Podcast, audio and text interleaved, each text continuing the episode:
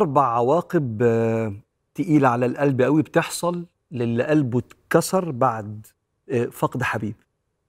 لازم يقف ويرمم الكسرة دي عشان يعرف يكمل حياته. أول عاقبة وشيء بيبقى تقيل على قلبه قوي هو توقف وعطلة ممارسته لجوانب حياته.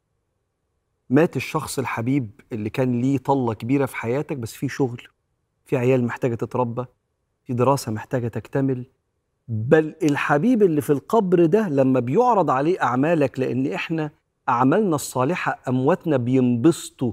وقل اعملوا فسيرى الله عملكم ورسوله والمؤمنون. بسطوا لما يطمنوا علينا ونبقى منشغلين بإرسال الأعمال الصالحة ليهم. كل ده بيتعطل. ولما ده بيتعطل بيحصل خسارة متراكمة على قلب البني آدم.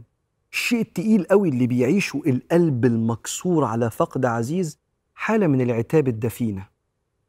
زعلان. زعلان من مين؟ زعلان من ربك موجوع. كنت عايزه يخليهولي.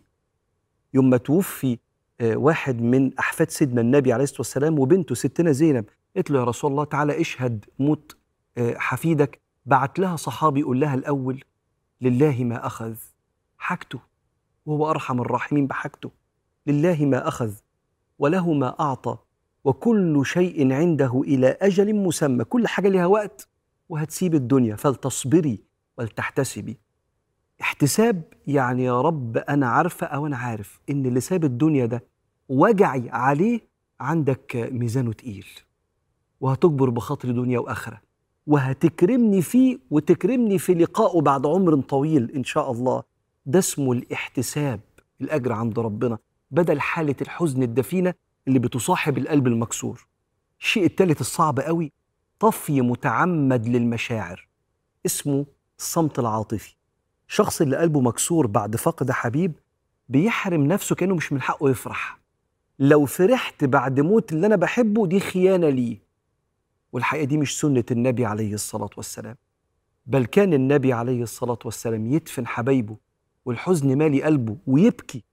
والصحابي يقول له بعد ما يشوف دموعه اللي عينه بتبكي على ناس ماتت يقول له ما هذا يا رسول الله؟ إيه الدموع دي؟ يقول إنها رحمة. بحبهم هيوحشوني إنها رحمة. وإنما يرحم الله من عباده الرحماء. ويكمل النبي عليه الصلاة والسلام حياته بأحزانها وأفراحها وفتوحاتها ومسؤولياتها وفي القلب اللي في القلب من حب وافتقاد واشتياق للي مات.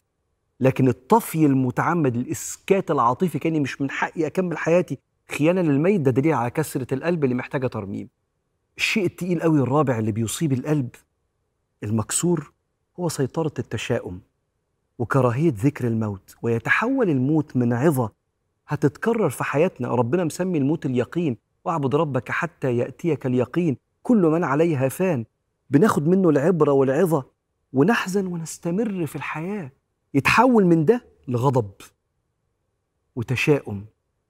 مع إن ربك في القرآن بيقول وما كان لنفس أن تموت إلا بإذن الله كتابا مؤجلا. كل واحد ليه وقت متأجل له وربك يقول فإذا جاء أجلهم لا يستأخرون ساعة ولا يستقدمون فالكل هيسيب الدنيا.